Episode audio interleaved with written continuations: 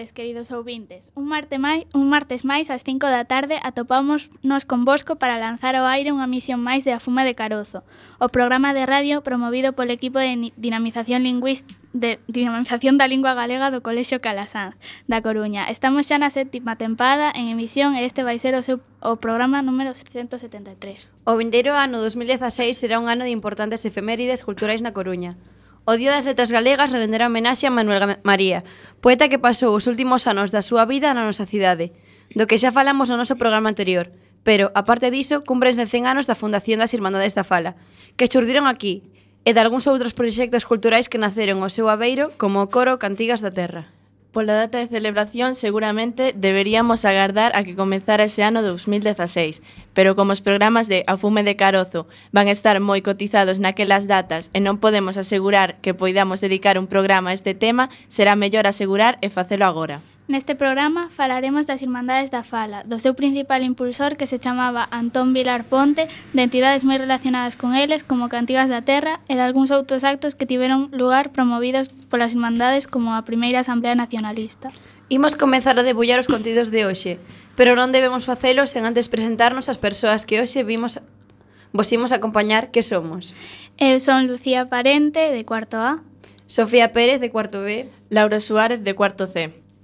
En canto á música de hoxe, tiñamos un dilema. Non se conserva moita música da época, e a que se conserva está interpretada en estilos musicais que non conectan doadamente coa xuventude actual, aínda que non deixaremos de intentalo, e aínda vos daremos algunha sorpresiña. Optamos por pinchar música dun grupo cangués de metal que hai uns anos fixo versións heavies de moitas cancións galegas coñecidas cun grande éxito. O grupo chamase Astarot e no ano 2000 editaron o magnífico disco O sentir dunha terra, no que se atopan case todas as cancións de hoxe.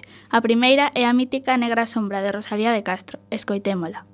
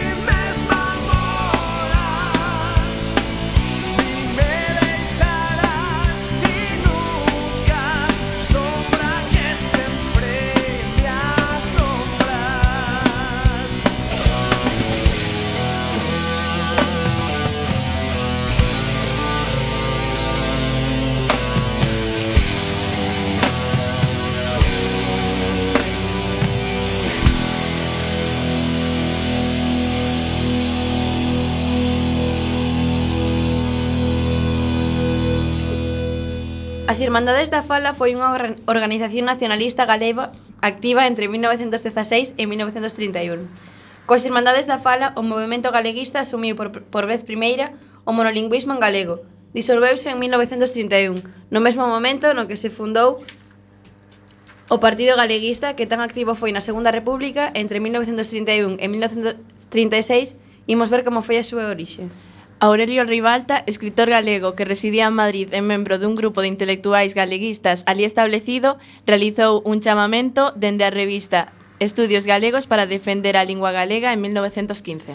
O 5 de xaneiro de 1916, Antón Vilar Ponte recolleu a chamada de Aurelio Ribalta e comezou dende as páxinas de La Voz de Galicia unha campaña para a creación dunha, dunha Liga de Amigos do Idioma Galego en marzo publicou o folleto Nacionalismo Galego, eh, nuestra afirmación regional, como vedes o título ainda está en castelán, no que volve sobre a cuestión da defensa, dignificación e fomento do uso da lingua galega. A proposta foi ben acollida por diferentes sectores ideolóxicos, aínda que serían dúas as tendencias principais, a dirixe tradicionalista de Antón Losada Dieguez e a liberal demócrata. Como tantas outras veces sucede, os galegos non foron capaces de poñerse totalmente de acordo para un proxecto común.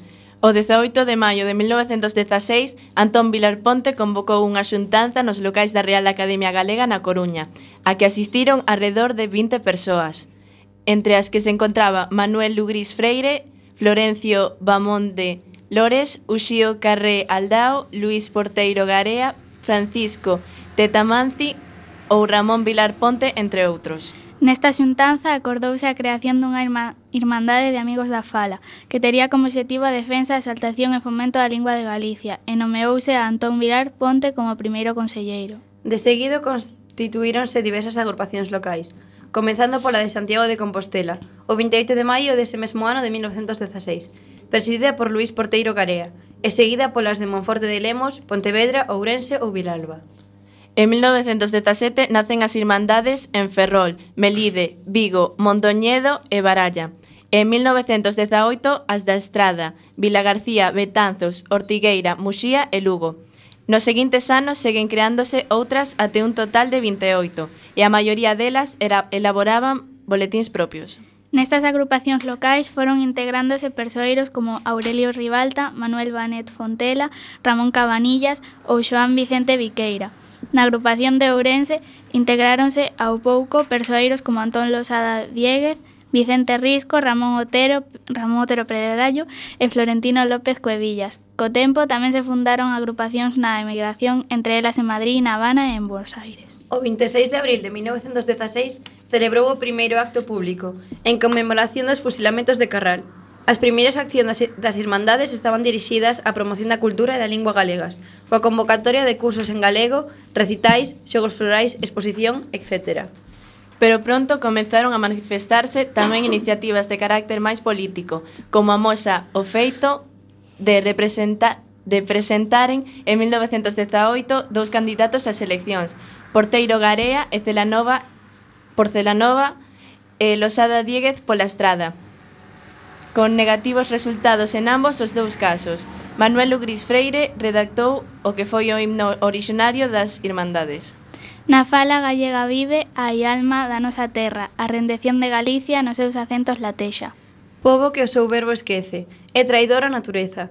Como irmáns todos falemos, a nobre fala galega. Pode que non fora mala idea facer unha pausa. A segunda canción que escoitaremos de Astarot é Lela, unha marchosa versión da canción de que Castelao compuxo para a súa única obra de teatro, Os vellos non deben de enamorarse. todas a cantar. Música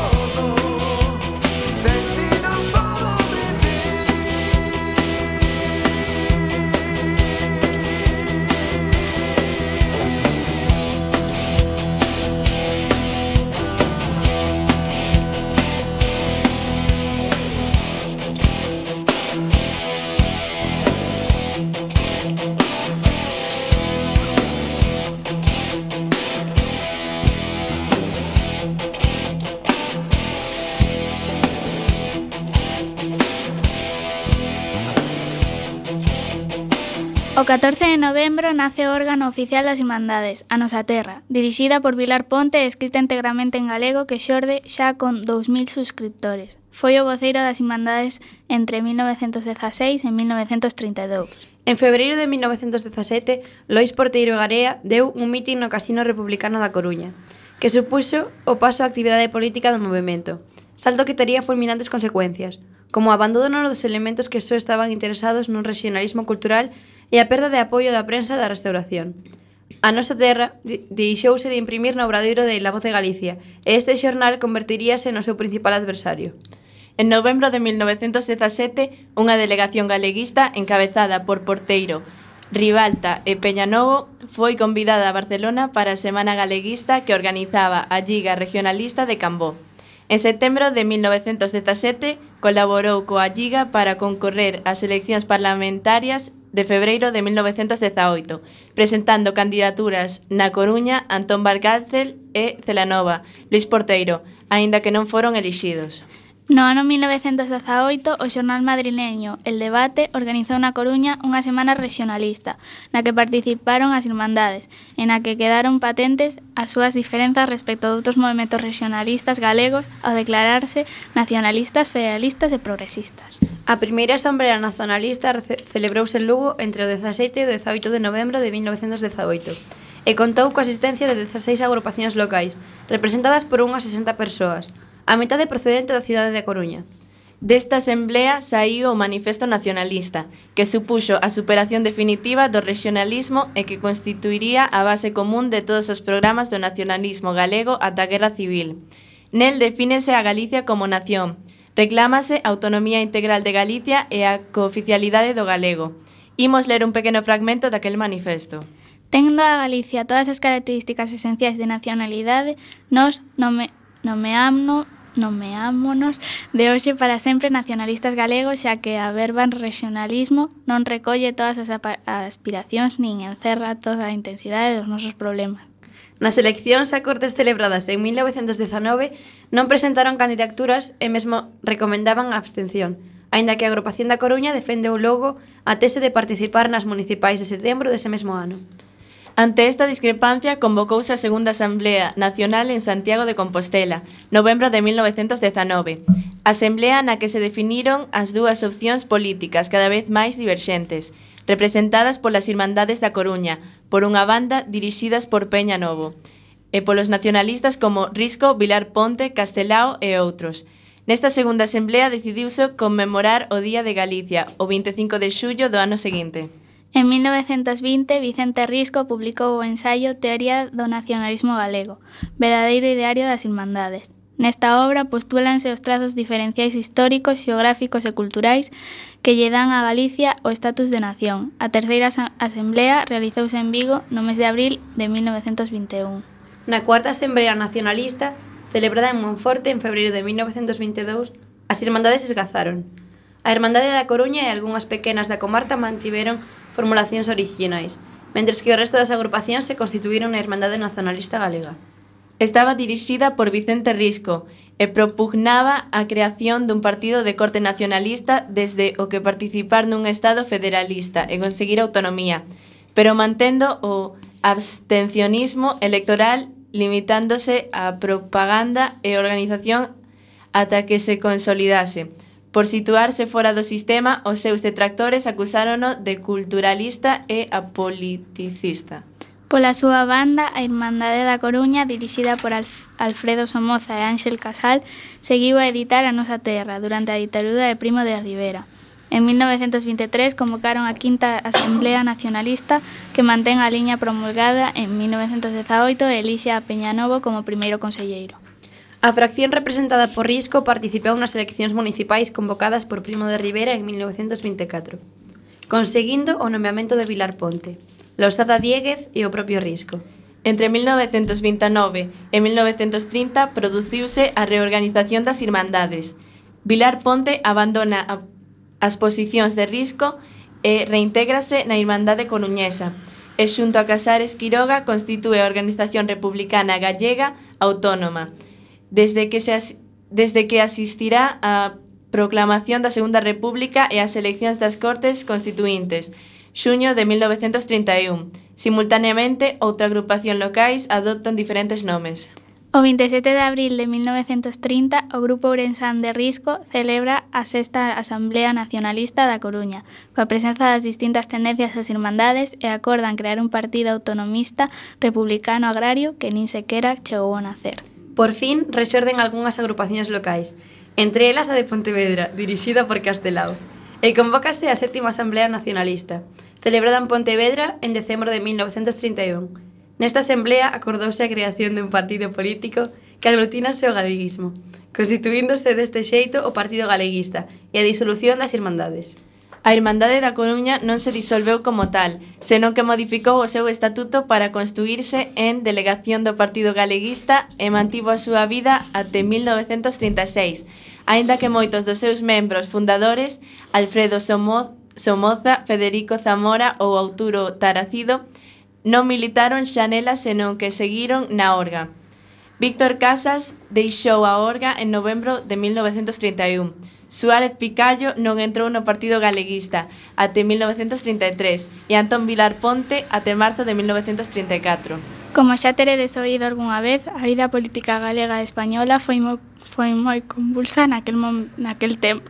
Toca outra parte pausa musical, en esta ocasión Astarot deleitaranos con Sementeira, a canción que popularizou Fuxan os ventos, deixámonos vos con ela.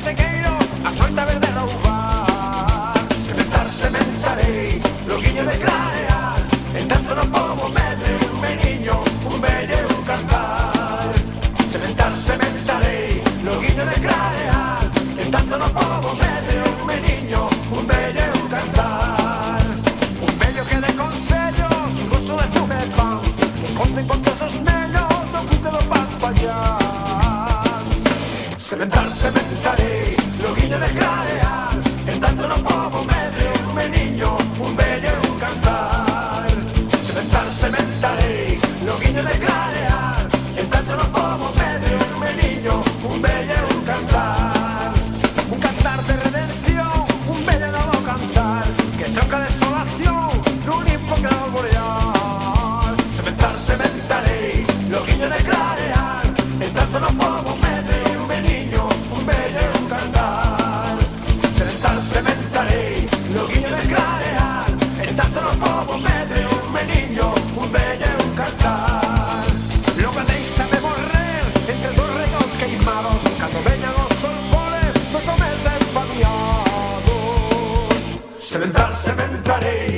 meniño de clarear. En tanto no povo medre un meniño Un belle un cantar. Sementar, sementarei Loquiño de clarear. En tanto no povo medre un meniño Un bello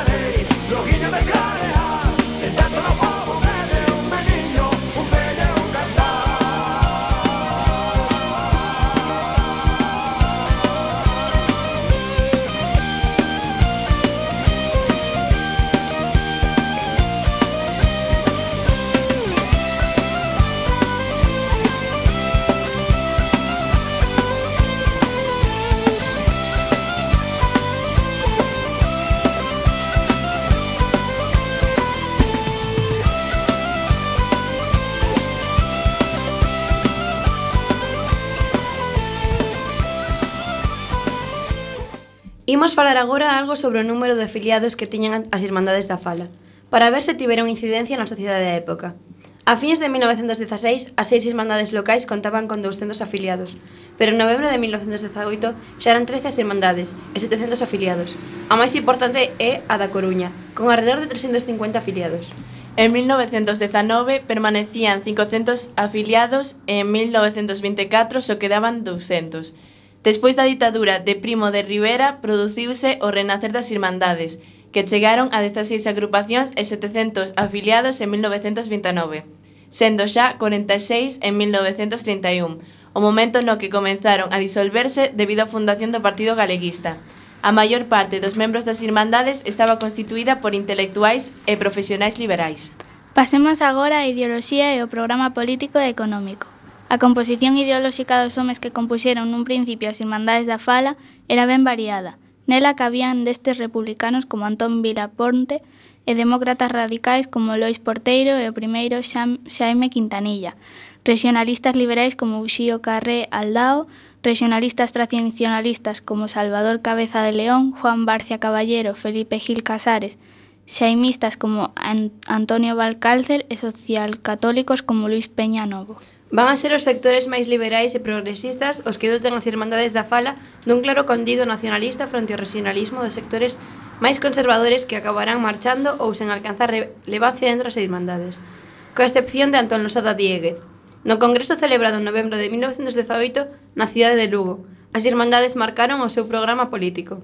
Decidiron que os obxectivos prioritarios eran Autonomía integral para Galicia, autonomía municipal, ingreso de Galicia na Liga das Nacións, busca dunhas bases para facer posible un federalismo con Portugal.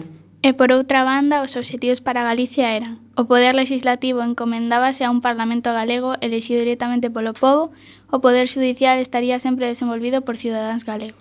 Rexime tributario propio, sen intervención do poder central. Cooficialidade do castelán e do galego. Igualdade de dereitos da muller supresión das deputacións provinciais, lexislación social nas competencias que se estimasen non exclusivas do Estado, toda potestade docente. Administración non construcións dos ferrocarrís, fixación da cota de forzas que se estimas que se estimasen precisas para manter a orde do país, control da política económica non excluídos os bancos. Substantividade do dereito foral galego, recuperación por parte dos povos dos montes comunais, soberanía estética de Galicia que conservase nas construcións o estilo digno e propio de cada marco xeográfico. En canto aos aspectos literarios, o teatro foi obxecto de moita atención pola súa efectividade normalizadora, ademais de propagandística, de cara ao gran público. Antón Vilar Ponte, traductor e autor teatral, fundará xunto con outros intelectuais en 1919 o Conservatorio Nacional de Arte Galego, co obxecto de renovar estética e técnicamente o teatro galego.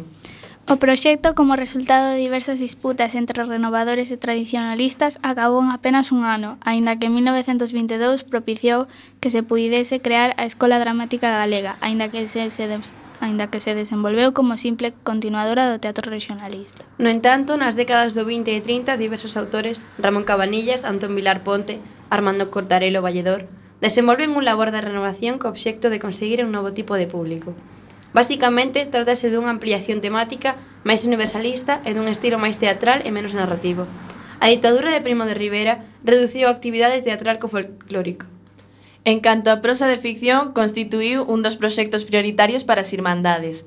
Aparecen así numerosas coleccións de novela curta e relato, asociadas ou non a xornais e revistas, entre as que destaca Destacou a colección de novela curta Lareira entre 1924 e 1927 na que publicaron Vicente Risco, Otero Pedrallo e Castelao.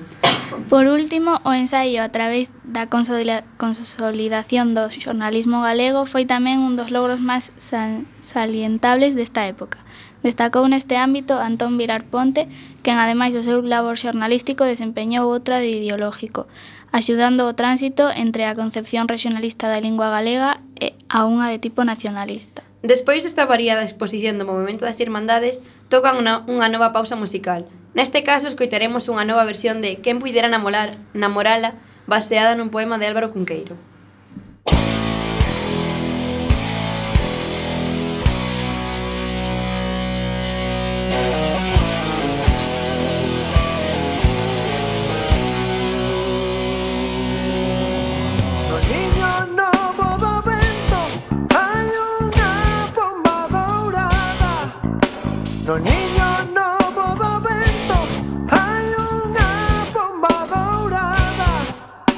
보이네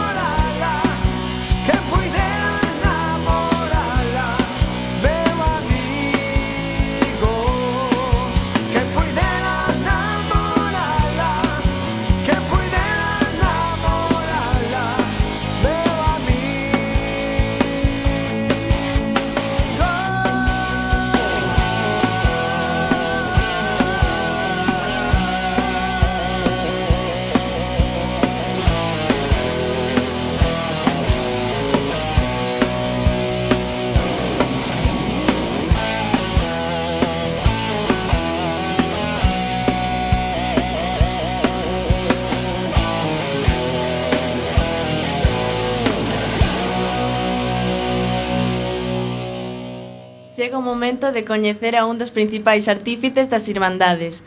Antón Vilar Ponte naceu en Viveiro o 2 de outubro de 1881 e finou na Coruña o 4 de marzo de 1936. Foi un dos fundadores dunhas das primeiras Irmandades da Fala e un dos principais alentadores do galeguismo de preguerra. Estudou farmacia e algúns momentos da súa vida viviu do traballo na súa botica, aínda que exerceu o xornalismo. A súa obra abrangue varios eidos, novela, ensaio, conferencias, discursos e especialmente a, produ a produción dramática transmisora do ideario galeguista. Dedicóuselle o, o Día das Letras Galegas no ano 1977. Pertencente a unha familia de clase media e ideoloxía monárquico-conservadora, Estudou nos institutos de Lugo e Santiago e fundou o Seminario Republicano Nova Brisa en 1899. Durante a súa carreira participou no movimento republicano e colaborou en El Combate. Licenciouse en Farmacia pola Universidade de Santiago de Compostela en 1901 e dende 1904 rexentou unha botica en Foz.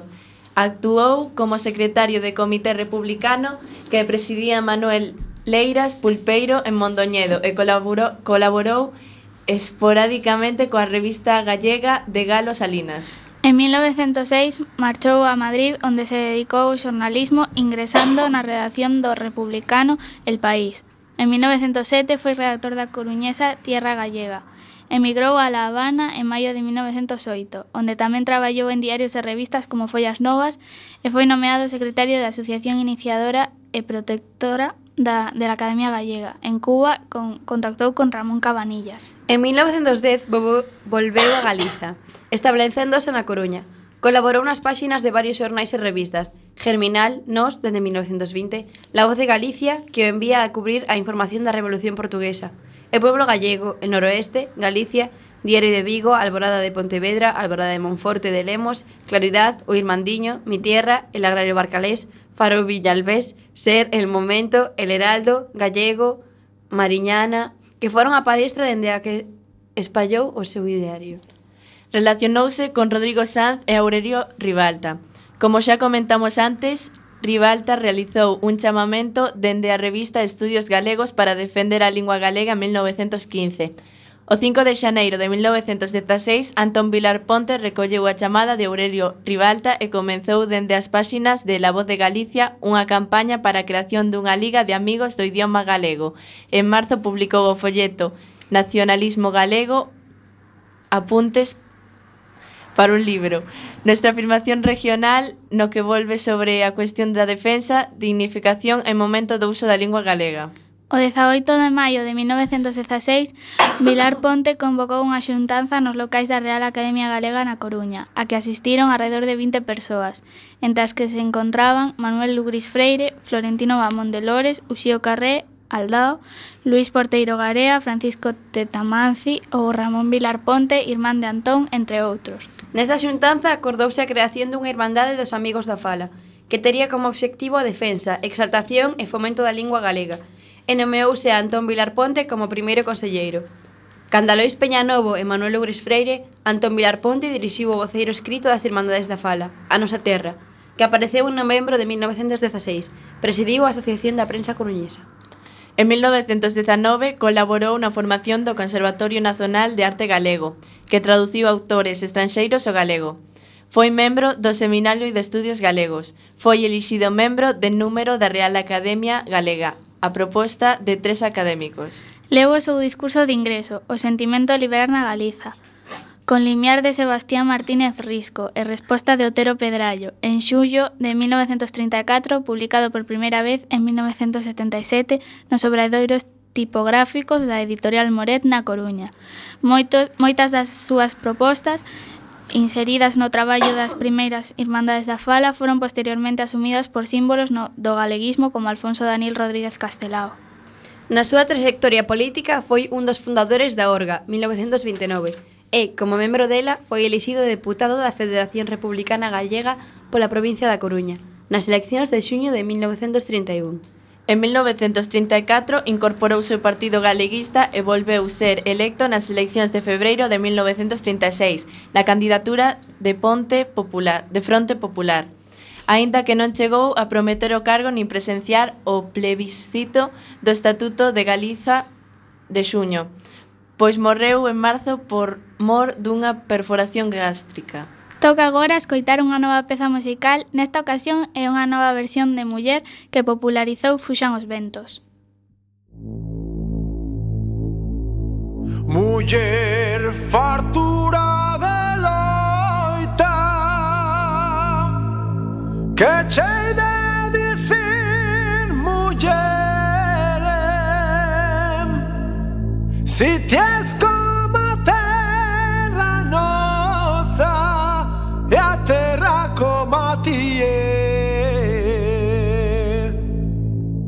Yeah.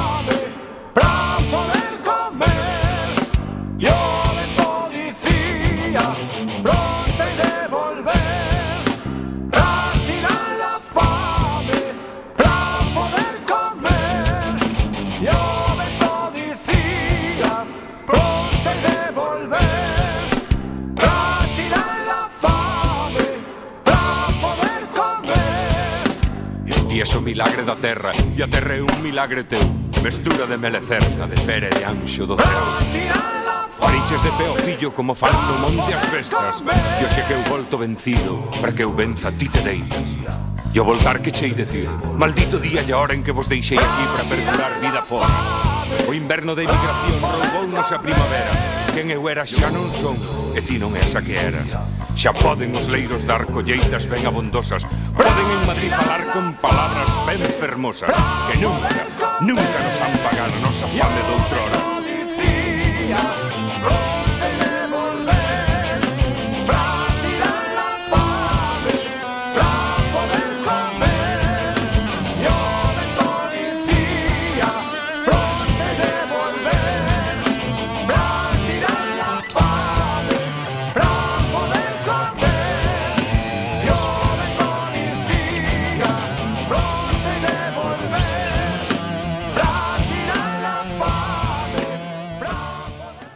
Se do ideario de Antón Vilar Ponte falamos, o seu traballo e reflexión conceptualízanse nun momento de desenvolvemento intelectual e estético en toda Europa, e que en Galiza coincidiu co agromar das dúas posturas enfrontadas no seo do galeguismo. Dunha banda, a corrente culturalista, de dereitas personificadas por Vicente Risco, Otero per Pedrallo e Florentino López Cuevillas, e da outra, a máis activista políticamente De esquerdas, con Manuel Ugris Freire, Uxío Carrealdao ou Víctor Casas. De feito, Antón Vilar Ponte formaría parte deste segundo grupo xuntamente con Xoán Vicente Viqueira. A súa propia visión do nacionalismo galego inclúeo dentro desta corrente, pois defendía construir os sistemas políticos desde a racionalidade e desde o servizo ás persoas, xa que consideraba as persoas de forma individual e non como, en, como ente abstracto, contrariamente do que defendían os culturalistas. Igualmente, prescindía das paixóns e apelaba á racionalidade. Estes razoamentos, en principio críticos co nacionalismo galego, utilizounos contra o nacionalismo español. Incondicionais de España, a incondicionalidade é escravitude, A incondicionalidade aínda non se dá no senso natural para que poida darse no senso político. Condicional é o máis respetable da vida a relación entre pais e fillos dentro da familia.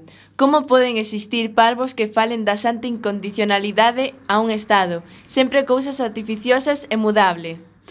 En, en que, segundo Vilar Ponte, os sistemas sociais se, con, se construen históric, históricamente pola humanidade, co que acontecería o mesmo cos conceptos nación e Estado. Se non construen os seres humanos, non son realidades eternas nin feitos que determinen ou, de, ou deban determinar, en principio, unha imposición moral para as persoas. Este punto de vista bate frontalmente co tipo de discurso historicista que predominaba nos nacionalismos do século XIX e de comenzos do século XX. Remataremos falando da obra de Antón Vilar Ponte, que se centrou no ensaio e no teatro, e iso que non imos profundar na súa obra xornalística, onde tiña unha vida moi activa. En ensaio publicou as seguintes obras. Nacio Nacionalismo galego, Nuestra afirmación regional, 1916. Os nosos valores, 1920. Conf Conferencia lida na Sociedade Económica de Santiago, publicada en A Nosa Terra, número 120 do cosmopolitismo, do universalismo e da mansedume galega, 1921. Traballo lido na Oliva de Vigo, a nosa terra número 139. O sentimento liberal na Galiza. Discurso de ingreso na Real Academia Galega, 1934. En canto teatro destacan do caciquismo a patria de labrego, 1905, da superstición entre dous abismos, 1920. Da emigración, almas mortas, novela dialogada cómico-tráxica en tres estancias, Céltiga, 1922, O Mariscal, 1926, Canda Ramón Cabanillas, Teatro Galego, Tríptico, Nos, 1928, inclúe Do caciquismo a patria do labrego, da emigración almas mortas, e da superstición entre dous abismos. Os evanxeos da risa absoluta, anunci anunciación do antiquixote, folk drama da sinxeleza campesina, nos 1934, Noutur Nouturnio de medo e morte, bárcara anécdota realista entre, en dous tempos, sen literatura, que pudo andar nos romances dos cegos, nos 1935. A máis traduciu obras clásicas de William Shakespeare ou Molière. A nova pausa musical tamén está baseada nunha canción de Fuxan os Ventos, que foi a que versionou a Starot nesta Meu Amor e Mariñeiro.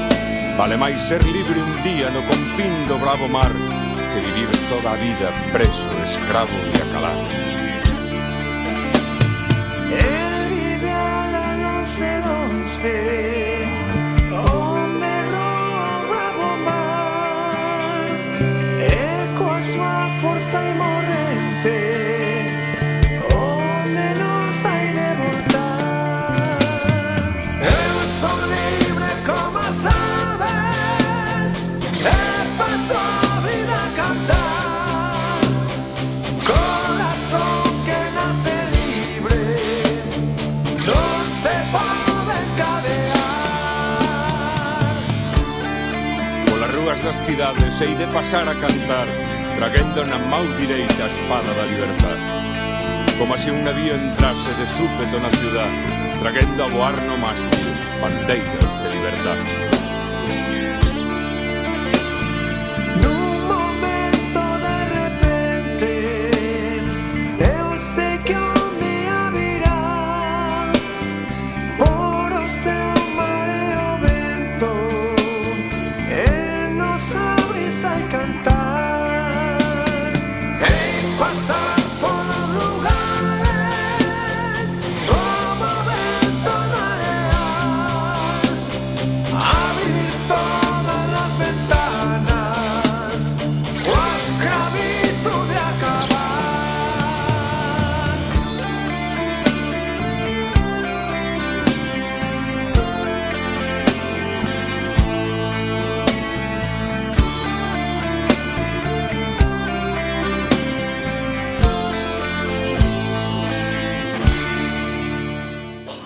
Imos rematar o programa falando da primeira Asamblea Nacionalista, celebrada en Lugo entre o 17 e 18 de novembro de 1918, polas Irmandades da Fala. Foi a histórica Asamblea onde o galeguismo político deixa atrás o regionalismo e avanza cara ao nacionalismo. Celebrouse no Teatro Lugo Salón. Contou coa asistencia de 63 persoas, a metade procedente da cidade da Coruña. Estiveron representadas 67 sociedades agrarias, 5 centros culturais e mandaron a súa adhesión 5 federacións agrarias, 11 concellos e máis de 49 asociacións e numerosas personalidades de Galicia. Da Asamblea saiu o Manifesto Nacionalista, que constituirá a base común de todos os programas do nacionalismo galego ata a Guerra Civil Española, Nel defínese a Galicia como nación, reclámase a autonomía integral de Galicia e a cooficialidade do galego. Podemos mencionar algunhas cousas salientables que constan neste manifesto. Por exemplo, no segundo punto, sobre problemas constituentes, solicítase. Autonomía integral para Galicia. Autonomía municipal, distinguindo o municipio aldeán do Vilego, e nos aldeáns recoñecer a personalidade xurídica das parroquias, cooficialidade dos idiomas galego e castelán. Federación da Iberia. Dentro desta federación, igualdade de relacións con Portugal, ingreso das nacionalidades da Iberia na Liga das Nacións. En canto aos problemas políticos manifestaban igualdade de dereitos para a muller, representación proporcional como sistema electoral, non baseado en aristocracias, senón que representaban o povo. Disolución das deputacións provinciais, creación de un poder autónomo representado nun Parlamento galego, elixido por sufraxio universal. En canto ás competencias deste poder autónomo, dicíase, nomea, nomeamento da xunta gobernadora que terá que exercer o poder executivo composta dun presidente e seis secretarios encargados dos departamentos de Administración, Xustiza, Ensino, Obras Públicas, Agricultura e Industria e Comercio. Todas as funcións administrativas, legislación social, agas naqueles casos nos que os problemas sociais se estendan ás diversas nacións da Iberia. Réxime tributario, sen intervención do Poder Central, o que só pagará o autónomo a cantidade que se fixe nos concretos económicos. A potestade docente do Estado actual pasará enteira ao poder galego. O réxime bancario no que intervirá pola función social que hoxe teñen os bancos e o mesmo para o crédito, crédito agrícola correos e telégrafos, reparto de competencias entre poder central e autónomo. Ferrocarrís, a súa nacionalización e reparto de competencias entre poder central e poder autónomo. Portos Francos, será facultade do poder galego a fixación das forzas armadas e policías policiais que xulgue precisas para o orde interno de Galicia. Nos últimos títulos deste manifesto falase de cousas como aspectos xurídicos posta en valor do dereito foral galego, que as leis se publiquen en galego, igualdade de dereitos da muller, etcétera. Aspectos económicos, resolución das cuestións aduaneiras, repoboación forestal forzosa, solución ao permanente absentismo dos propietarios da terra. Aspectos artísticos, proclamar a soberanía estética da nación galega sobre as construccións urbanas e rurais na expropiación de monumentos e paisaxes e creación dunha escola municipal galega. Chegou a hora de rematar o programa de hoxe. Lembrade que todos os martes ás 5 da tarde o equipo de dinamización da lingua galega do Colexio Calasanz Escolapios da Coruña emite este programa de A Fume de Carozo, realizando por alumnos do noso centro. Hoxe os presentadores fomos Lucía Parente, Sofía Pérez e Laura Suárez. A, A fume, fume de Carozo. carozo.